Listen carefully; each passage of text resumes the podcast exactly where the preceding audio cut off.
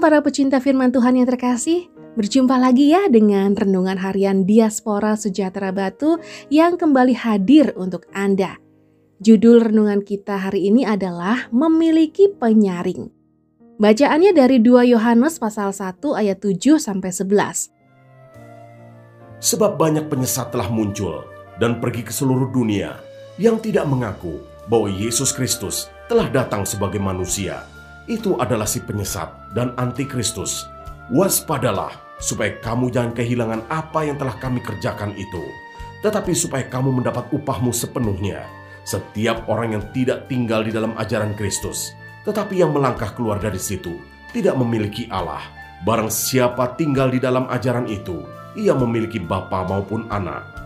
Jikalau seorang datang kepadamu dan ia tidak membawa ajaran ini, janganlah kamu menerima dia di dalam rumahmu dan janganlah memberi salam kepadanya. Sebab barang siapa memberi salam kepadanya, ia mendapat bagian dalam perbuatannya yang jahat.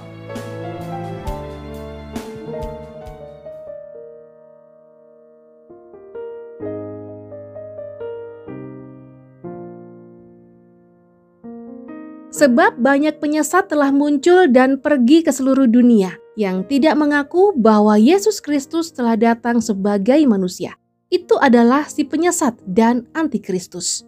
2 Yohanes pasal 1 ayat 7.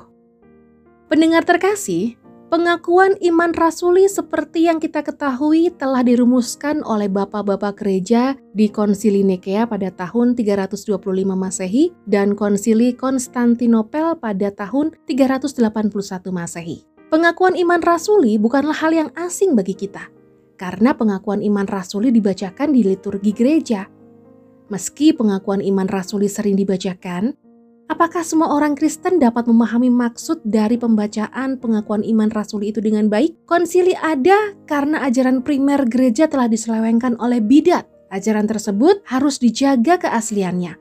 Oleh karena itu, dirumuskannya lah pengakuan iman rasuli sebagai filter pengajaran.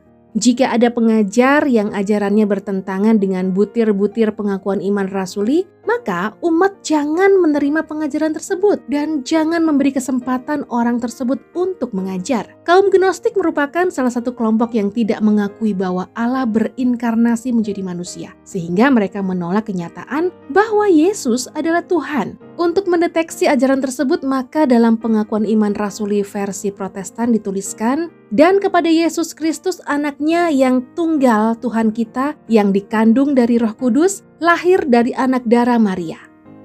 Pendengar terkasih, dengan selalu membaca dan mengucapkan doktrin utama kekristenan, orang percaya diharapkan bisa menyaring setiap pengajaran yang mereka dengarkan. Sehingga tidak mudah terpengaruh oleh ajaran sesat yang akan membawa kita sebagai orang percaya semakin jauh dan bahkan melecehkan Tuhan. Melalui bacaan kita hari ini, Rasul Yohanes sedang menolong kita untuk tidak memiliki iman yang buta.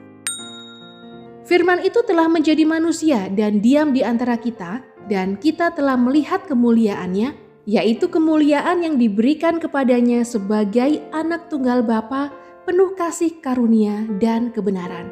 Yohanes pasal 1 ayat 14. Tuhan Yesus memberkati.